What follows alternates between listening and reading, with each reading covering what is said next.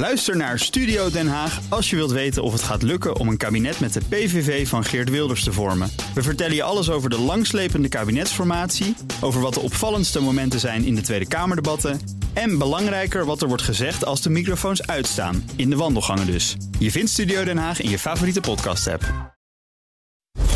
BNR Beurs wordt mede mogelijk gemaakt door Bridge Fund. Make money smile. BNR Nieuwsradio. BNR Beurs. Wesley Weerts. Als je mij hoort praten, dan weet je hoe laat het is. Tijd voor weekend, althans op vrijdag, want dit is de beursweek van 8 september. En het belooft een uh, geweldige uitzending te worden, want Jos Versteeg van Insinger Gillis is de gast. Hallo Jos. Yo, Goed dat je er bent. We gaan straks samen de week doornemen. En Jos, een luisteraar, heeft jou weer flink uh, wat huiswerk uh, gegeven. Dat kun je wel zeggen, ja. Ja, want hij had een vraag over een bedrijf dat iedereen met zonnepanelen op zijn dak, denk ik wel kent. We gaan eerst naar het nieuws van de dag, want zometeen gaat het over Heineken. Dat had al een ellendig eerste half jaar achter de rug, maar de bierbrouwer waarschuwt voor nieuwe tegenvallers. Maar eerst naar de gasstakingen in Australië, want die zijn begonnen. De onderhandelingen zijn geklapt en dus leggen werknemers bij verschillende locaties van Chevron in Australië het werk neer. En dat zijn belangrijke locaties, want daar komt maar liefst 7% van het wereldwijde LNG-aanbod vandaan. Nu die stil liggen, kan dat grote gevolgen hebben, zegt energie-econoom Hans van Kleef. Op het moment dat, uh, dat de vraag straks aan gaat trekken en er echt in de markt zorgen zijn dat dit langer gaat duren, ja, dan kan het echt wel een hele grote impact hebben. Die stakingen hebben vooral impact op de prijs voor vloeibaar aardgas, tenminste als de productie langdurig wegvalt. Krapte in Azië, want dat is waar het LNG uit Australië naartoe gaat, en met name China en India en Japan. Op het moment dat daar krapte ontstaat, dan gaan die Aziatische landen toch shoppen op die mondiale markt en ontstaat er automatisch ook hier krapte. En uiteindelijk gaat het LNG gewoon naar de hoogste bieder. Dat betekent dat als wij niet meedoen in die strijd om het bieden voor het beschikbaar LNG, dan hebben we of fysieke tekorten of in ieder geval een hoge prijs. Dat zegt Hans van Kleef. Is dit nog iets waar jij naar kijkt, Jos? Kijk je, ja, kijk je naar omdat het bijvoorbeeld je aandelen kan raken? Jazeker. Elke dag uh, kijk ik s ochtends eventjes naar de, de Europese gasfuture. Ja. En dat speelt al een hele tijd dat die staking komt. Sindsdien is de, de prijs van LPG van 25 naar 35 opgelopen per megawatt-hour. Maar ik moet je zeggen, ik maak me niet zo heel erg druk om, om dit effect. Want iedereen heeft de baat bij dat die staking zo snel mogelijk wordt opgelost. Dus uiteindelijk zal Chevron wel uh, schuiven. En er is nog een ander uh, oliebedrijf wat ook uh, problemen heeft met stakingen. En West-Australië speelt het. En ik denk dat dat tijdelijk is. Ik zag nog een bizar bericht. gaat over de oprichter van cryptobeurs Todex. En dat was een van de grootste platformen van cryptohandel in Turkije. En die man die moet 11 duizend jaar de cel in. Ik denk overigens niet dat hij dat gaat overleven, maar goed, dat is wel de eis. Deze cryptobaas zou klanten voor meer dan 12 miljoen euro hebben opgelicht. En hij sloeg op de vlucht met meer dan 2 miljard euro aan te goede. Klanten, die lokten die met hoge kortingen. En ja, veel Turken die belegden in cryptomunten... omdat ze zo hoopten hun spaargeld te beschermen. Natuurlijk tegen die torenhoge inflatie... en de sterke schommelingen van de Turkse lira. Maar ja, ze liepen dus in de val van deze man. Dan naar een verkapte omzetwaarschuwing van Heineken. De eerste helft van het jaar verliep al behoorlijk moeizaam, want klanten slikken de prijsverhogingen niet. En daardoor zag Heineken de verkoper en de winst dalen. En Heineken belandt nu van de regen in de drup, letterlijk, want de bierbrouwer heeft last van de regenachtige zomermaanden. CEO Dolf van de Brink spreekt van een heftige zomer in Europa. Maar Jos, wat zegt Heineken nou eigenlijk? Zeggen ze nou, die verkopen die gaan ook in het uh, derde kwartaal tegenvallen? Nou, ze hebben gewaarschuwd bij de tweede kwartaalcijfers dat de winstgroei niet 5 à 10 procent werd, maar 0 tot 5 procent. En je mag wel verwachten dat dat nog wel geldt, want anders zouden ze echt een officiële waarschuwing moeten geven. Maar hij zei nog wat anders ook daarnaast. Hij zei ook van, van ja, die, die inkoopkosten die we hebben, die, die zijn misschien niet zo heel erg veel gedaald als iedereen wel verwachtte. Dat vond ik nogal opmerkelijk. Hij tempert eigenlijk de verwachtingen. En dit doet me denken aan 25, 30 jaar geleden, toen bedrijven je wel eens opbelden van, joh, je zit met je taxatie veel te hoog. Dus vind het wel een beetje op het randje. Aan de andere kant uh, ja, ga ik er dan nog altijd vanuit dat die 0 tot 5 procent zal blijven staan. Maar dan zal het waarschijnlijk meer richting de 0 zijn dan 5 procent. Je moet bij dit soort dingen ook altijd oppassen dat ze niet de lat heel laag gaan leggen. Zodat als ze zometeen met de kwartaalcijfers komen, ja. dat het dan allemaal weer heel erg meevalt. Dat speelt ook heel vaak in dit soort toespraken. Maar waarom heeft zoiets simpels als het weer zoveel impact op Heineken? Als het heel erg mooi weer is, terrasjes weer, zeg maar, dan gaan mensen toch vaker uit. Uh, drinken ze meer. Ik durf te wedden dat jij de afgelopen dagen ook meer bier hebt gedronken dan. Nou, ik kan inderdaad wel zeggen dat zodra het weekend begint en het blijft dit soort weer. En ja, dat, precies. En dat blijft het, dan ben je Ja. toch eerder geneigd om naar het terras te gaan. Zo simpel is het, ja. Maar het terras is ook de plek, niet zozeer, eh, daar, daar halen ze een groot deel van hun omzet vandaan, maar dat is ook de plek waar de hoogste marges worden gehaald. Ja. Want ja, dat biertje op het terras, ja, daar verdienen ze een stuk meer op Ja, dan dat biertje in de, in de supermarkt. Dus die winst, ja, je zei net al, waarschijnlijk zit het dichter dan bij die nul dan eh, tegen de vijf. Maar kan het ook nog zijn dat ze later dan met een officiële winstwaarschuwing nog komen in de loop van dit eh, lopende kwartaal? Ja, dat moet je zeker niet uitsluiten. Ik heb een collega en die zegt altijd: een winstwaarschuwing komt nooit alleen. Er volgen er altijd eh, twee eh, daarop. Mhm. Dus dat is wel vaak een, een proces. En je, ik heb ooit eens een keer een consultant gesproken. En eh, die, die zei van wat mij het meeste op, opgevallen is. En al die ellende die ik heb moeten oplossen. Is dat mensen het altijd te licht inschatten. Dus het zal mij niet verbazen als, als er toch nog wel weer wat komt van, van nou jongens. En vooral die, die opmerking over die inkoopkosten. Die, Ja. die vond, ik wel, vond ik wel heftig hoor. Maar toch, Azië, daar liep het niet lekker. Nu Nee. verwijst hij naar Europa. Waar zit dan nog wel de groei voor Heineken? Ja, Het is altijd maar eh, beperkte groei. Hè? Maar aan de andere kant hebben ze die lange termijn eh, blik. En dat vind ik wel heel mooi van Heineken altijd. Van, eh, die premiebieren waar mensen dus, toch bereid zijn om wat meer te betalen. In Nederland snappen we dat nooit. Want vinden, vinden we Heineken heel gewoon. Maar in het buitenland is het een, een premie. Maar ook die 0% bier, daar zit ook nog wel denk ik een behoorlijke groei in. Ik kan me nog een keer een lunch herinneren met eh, de topman van eh, Heineken. Met een paar analisten erbij. En dat hij helemaal verbaasd was dat er geen biertje bij de lunch stond. Een alcoholvrij biertje. Want eh, ja, zo willen ze dat verkopen. Ik weet niet of dat dan eh, tijdens lunches al wel de best, het beste idee is. Maar ja, daar zit denk ik toch nog wel behoorlijk wat groei in hoor. Dus je bent toch nog wel enthousiast over het aandeel Heineken? Ja, ik vind het altijd wel een mooi bedrijf. Alhoewel analisten altijd wel, de meeste analisten er voorzichtig in zijn. Omdat ze zeggen van ja, je ziet fundamenteel de vraag naar bier wat, wat, wat minder hard groeien. Er zit niet veel groei in. Maar ik denk toch, ja, ze hebben toch altijd wel weer wat anders. Hè. Ze, dan hebben ze weer 0.0. Dan hebben ze weer die, die, die premie die beter is. Ja, maar die analisten zaten ook niet bij die lunch met die topman natuurlijk. Jos houdt van luxe, geen namaak, maar een echte... Birkin bag. You've heard of it?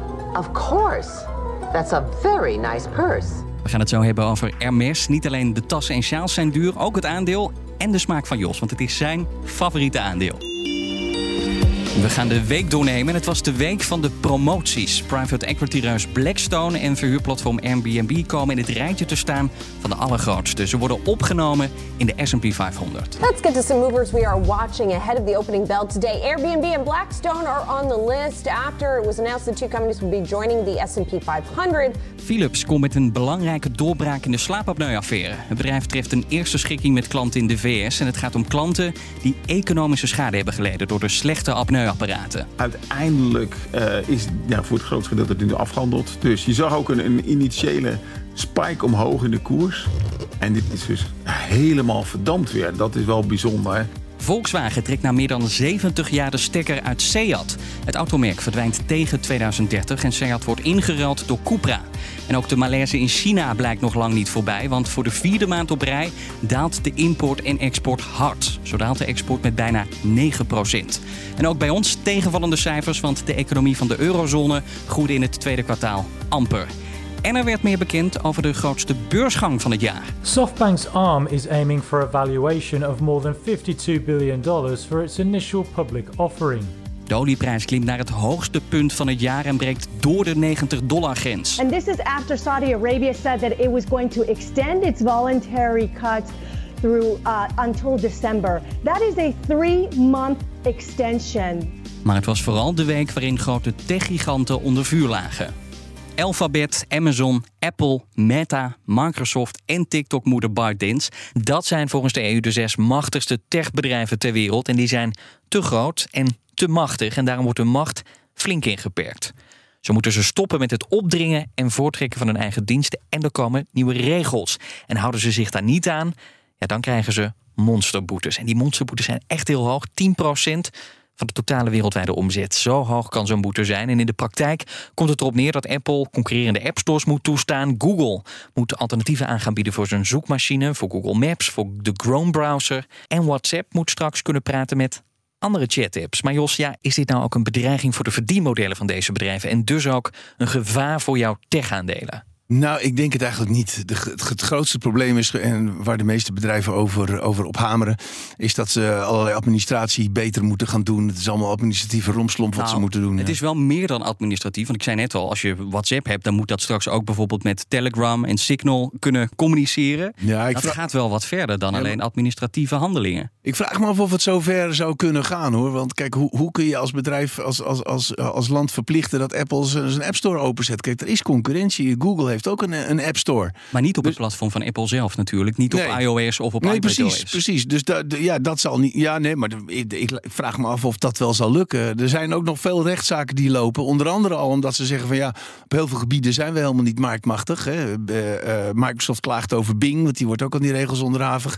Die heeft maar een marktaandeel van 3%. Apple klaagt over iMessage. Eh, daar hebben ze eh, in Europa ook geen grote macht. Hè. Dat is voornamelijk WhatsApp.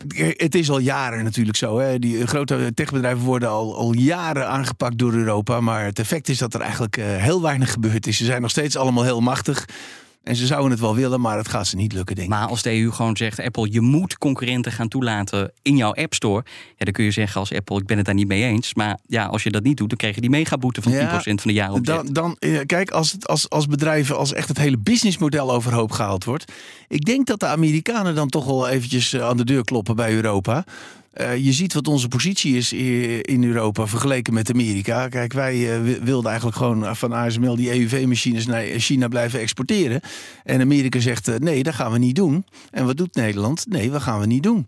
Dus als het echt heel erg gaat bijten, dan zal Amerika waarschijnlijk wel terug gaan slaan. En dan wordt het heel vervelend voor Europa. Dus ik, ik ga ervan uit dat het beperkt is. Apple dan, want die had deze week dubbel pech. Want niet alleen de strenge regels in Europa, maar ook een iPhone-ban in China zorgen ervoor dat Apple 200 miljard dollar aan beurswaarde verliest. Chinese ambtenaren die mogen geen iPhones meer gebruiken. En het verbod wordt volgens Bloomberg uitgebreid naar staatsbedrijven en andere door de overheid gecontroleerde organisaties. What uh, we are hearing is more and more reports of state agencies as well as state firms um, asking their employees not to bring their iPhones to work. In China hebben ze wat minder schik van de Amerikanen. Denk je dat dit wel impact gaat hebben op Apple? Ja, dit kan wel zeer gaan doen. Eh, het- kijk, die, eh, Chinese ambtenaren die verdienen over het algemeen een stuk meer dan de gemiddelde werknemer in China.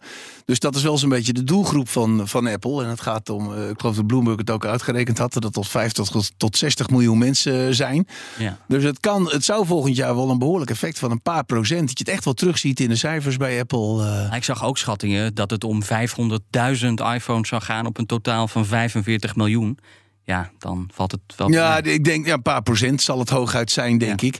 Maar eh, ja, kijk, dat wilde ook niet zeggen dat, dat mensen die dingen privé wel blijven gebruiken, die, die iPhones. eh. ik denk wat, wat, wat ook tegelijk speelde en wat natuurlijk ook wel naar was, was die nieuwe Huawei Mate 60 Pro, die telefoon, die eh, in één keer ook heel erg snel was. En kijk, die, die, Huawei, Huawei was nooit in staat om een snelle internettelefoon te maken. En dat is ze nu wel gelukt. En ja, je ziet dat Chinezen dan toch wel prettig vinden om eh, hun eigen producten te kopen. En dat zou dan wel eens ook nog eens een flinke concurrent kunnen zijn. Maar dat gaat nog wel een staartje hebben. Eh, de Amerikaanse eh, overheid is, is nu aan het onderzoeken of S, eh, SMIC, dat is de chipproducent die die chip gemaakt heeft voor Hua- Huawei. En is dat een Chinese speler? Dat is een Chinees bedrijf. Kijk, SMIC valt onder die, die wet van Amerika dat, er, dat je Huawei niet mag leveren. En eh, ja, het, het kan zijn dat, dat, dat eh SMIC dus verder beperkt wordt. Eh, de, als, als blijkt bijvoorbeeld dat Applied Material of ASML of iemand echt de wet heeft overtreden met toch machines of onderhoud of hulp heeft gegeven, dan, ja, dan kan het nog wel eens een staartje krijgen, denk ik. Wat anders dan? Eén analist zorgt voor een verkoopgolf bij Ahold Delhaize. Hij riep deze week om je aandelen Ahold te verkopen. En beleggers die deden dat in grote getalen. Want Ahold beleefde deze week zelfs zijn slechtste beursdag van het jaar. Maar nog belangrijker, Jos, had deze en heeft deze analist gelijk. Gaan de marges bij Ahold dit jaar krimpen? Ja, eh, hij heeft gewoon gelijk, want dat hebben ze ook gezegd. Hè. Het is vooral in Amerika een, een, wel, wel even een dingetje. Daar hebben ze vrij aantrekkelijke marges. Ze behoren ze echt tot de supermarkten met de hoogste marges. En die staan onder druk. En ze hebben ook gezegd dat dat nog wel even blijft. Maar ja, dus, ze gaven toch wel aan dat het niet echt heel erg zou worden. En eh, enige compensatie is er ook. In Europa waren die marges echt uiterst beroerd. En die worden in de komende tijd eh, wat beter. Deze analist die zegt, nou ja, Ahold, eh, het het verschilt een beetje. De ene supermarkt heeft daar meer van, last van dan de andere, dat de marges krimpen. Waarom heeft Ahold daar dan in het bijzonder last van? Dat was een rapportje, ik heb het gelezen vanochtend even snel doorgescand. En het was een rapportje over de Europese detailhandel. Dus eh, en Ahold is gewoon het bedrijf met de meeste exposure naar Amerika. En op zich is het heel opmerkelijk wat hij schreef. Want hij voorspelt eigenlijk voor volgend jaar deflatie in Amerika. Nou, dan loop je toch wel een behoorlijk eind voor op wat de meeste mensen denken. Die denken toch echt dat die inflatie nog wel een tijdje doorgaat. Maar hij zegt van, nou ja, nee, die prijzen gaan eh, volgend jaar in, in Amerika kunnen al flink gaan dalen. En daar gaat Ahold er behoorlijk wat last van krijgen. Omdat, om, ja, omdat ze daar ook veel het, vestigingen het natuurlijk zwaarste in Europa, in Amerika zitten, ja. We gaan naar een bedrijf dat jij ongetwijfeld super interessant vindt. De grootste beursgang van het jaar. Alleen die beursgang die wordt minder groot dan we dachten. Het gaat over chipontwerper ARM natuurlijk. Die krijgt later deze maand een notering op de Nasdaq. Maar wel tegen een waardering die aanzienlijk lager ligt dan de tot 70 miljard dollar waar het bedrijf eerder op mikte. 52 miljard dollar. Dat is het prijskaartje dat ARM nu aan zichzelf hangt. Maar waardoor valt die waardering lager uit, Jos? Nou, ze, ze hebben heel hoog ingezet. Het is ook een beetje verkocht, verkocht als uh, artificiële intelligentiespeler. Hè? Meeliften op het succes van Nvidia. Maar aan de andere kant ja, moet je toch ook wel bedenken dat uh, ARM, het is het ontwerp voor een bepaalde chip verkopen ze. En dat zit in alle mobiele telefoons, eigenlijk in alle mobiele apparaten. Mm -hmm. En het komt omdat zij heel toevallig hebben uitgevonden met een bepaalde schakeling, een bepaalde chiparchitectuur, dat dat dan in één keer heel weinig energie kostte. En nu zie je geleidelijk, en kijk, in die, in die mobiele markt daar zit geen groei in. Dus 99% zijn ARM chips. En daar vangen ze, ontvangen ze licentie voor. Dus wat dat betreft is een mooie inkomstenstroom. Uh, je ziet nu wel dat voor in de PC-markt en de servermarkt dat men ook over wil naar ARM-architectuur. Ja, de MacBookjes bijvoorbeeld. Ja, precies. En, en, en je ziet, de, uh, inderdaad, Apple heeft dat al gedaan. En het verhaal is, en dat is denk ik wel echt de, de kern van het verhaal, als je dat gelooft. Kijk, Nvidia die maakt nu chips die waar ook x86, heeft de concurrent van uh, ARM in zit. Ja, verbruikt veel meer energie. Ja, ja, gebruikt veel meer energie. En dat is een groot probleem in die datacenter. Het enorme energieverbruik. Dat willen ze het liefst naar beneden hebben.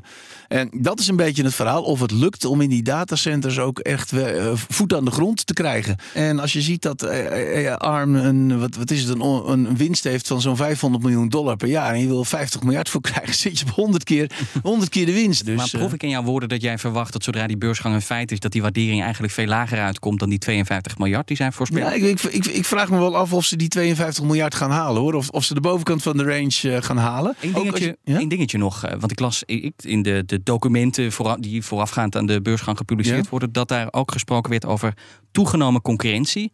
Maar wie zijn de concurrenten van ARM? Want jij zegt net, het zit eigenlijk in bijna alle mobiele apparaten. Dus over welke concurrenten heeft ARM het? Ja, dat is waarschijnlijk het, is waarschijnlijk het spel dus met of Intel met x86 in die servermarkt heel belangrijk blijft, of dat ARM daar gaat winnen. Dat, dat is de gok die je maakt. En uh, ja, Nvidia zit daar tussenin, die kan allebei doen. BNR Beurs.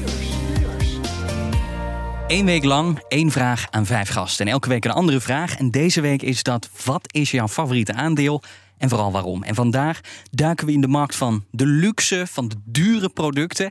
En een markt die mading lijkt te hebben aan de hoge inflatie. Je hebt een aandeel meegenomen. Nou ja, kom maar op met je aandeel, Jos. Ja, Hermes, het uh, Franse luxegoederenbedrijf. Ik vind het een prachtig bedrijf. En uh, een tijdje geleden heb ik er eens goed naar gekeken.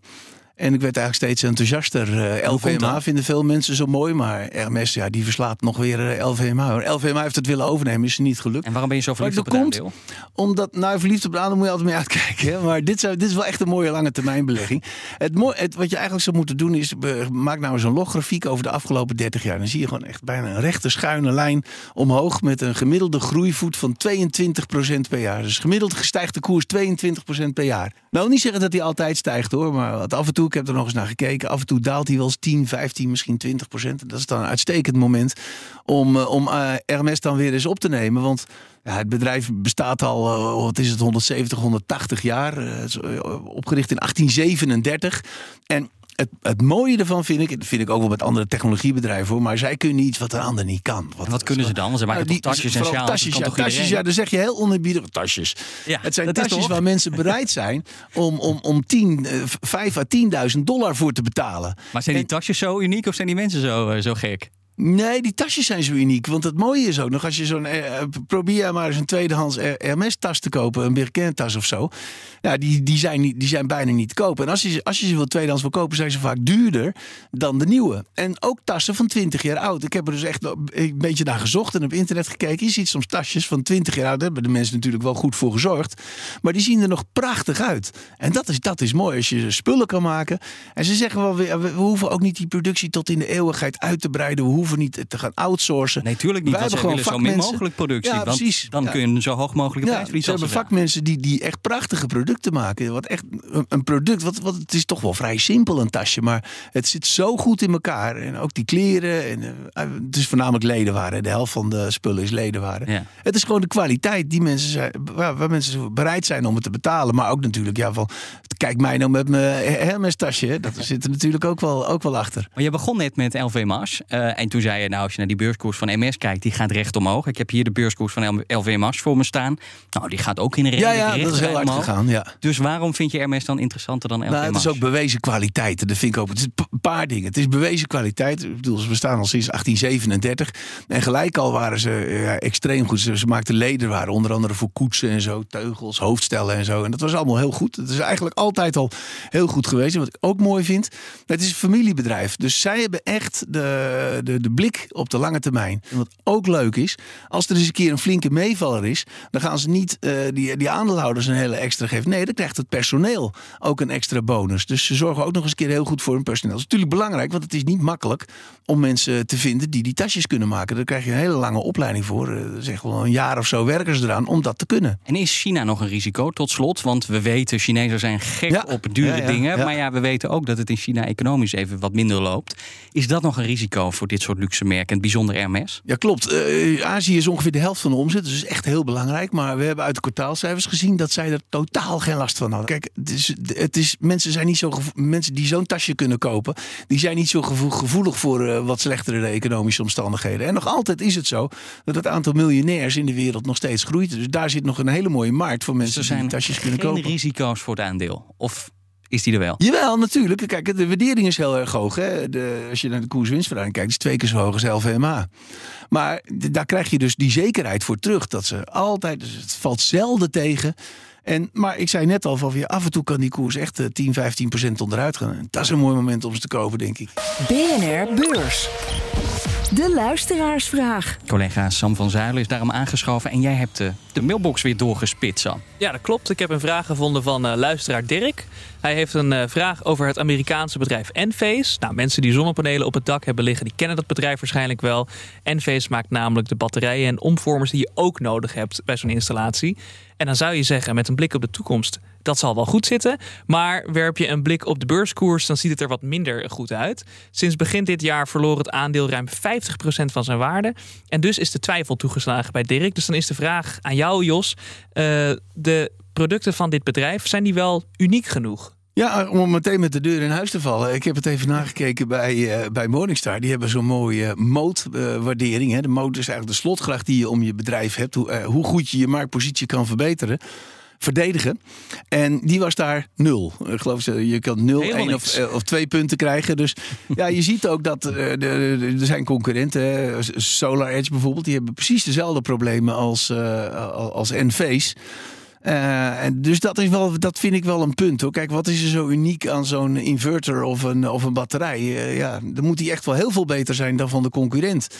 Ja, dan zit er, of die namen, merknamen speelt ook nog niet zo heel erg. Hè. Dat speelt bij een bedrijf als Hermes. Als je verder naar het bedrijf kijkt, want ik heb er vroeger wel eens naar gekeken. Ik was ook een tijdje geleden van plan om het te gaan volgen. En eh, ja, maar toen, dan zie je toch wel dat die waardering was toen toch wel heel erg extreem. En dat is ook natuurlijk, ja, dat zie je nu als de, dat de 50, 60 60% van de topkoers eh, af is.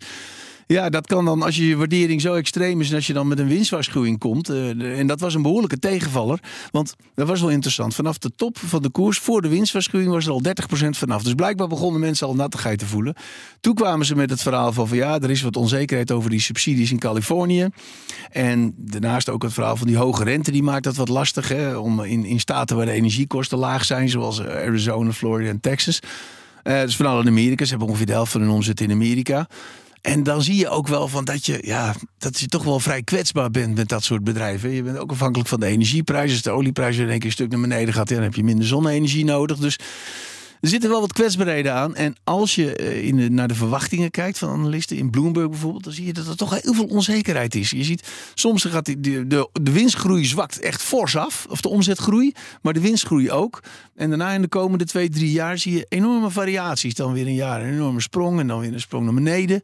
Dus er is veel onzekerheid en, en dat maakt het vaak lastig. Je ziet dat dit soort bedrijven dus ook wel afhankelijk zijn van energiesubsidies. Dus enerzijds denk ik van ja, het is toch wel een goed bedrijf, maar aan de andere kant hou ik veel meer van een bedrijf wat uh, zichzelf, uh, zijn marktpositie veel beter kan uh, verdedigen. Neem het voorbeeld van Hermes bijvoorbeeld. Heb jij ook een vraag? Stuur die dan naar bnrbeurs.bnr.nl en dan leggen wij hem voor aan onze experts.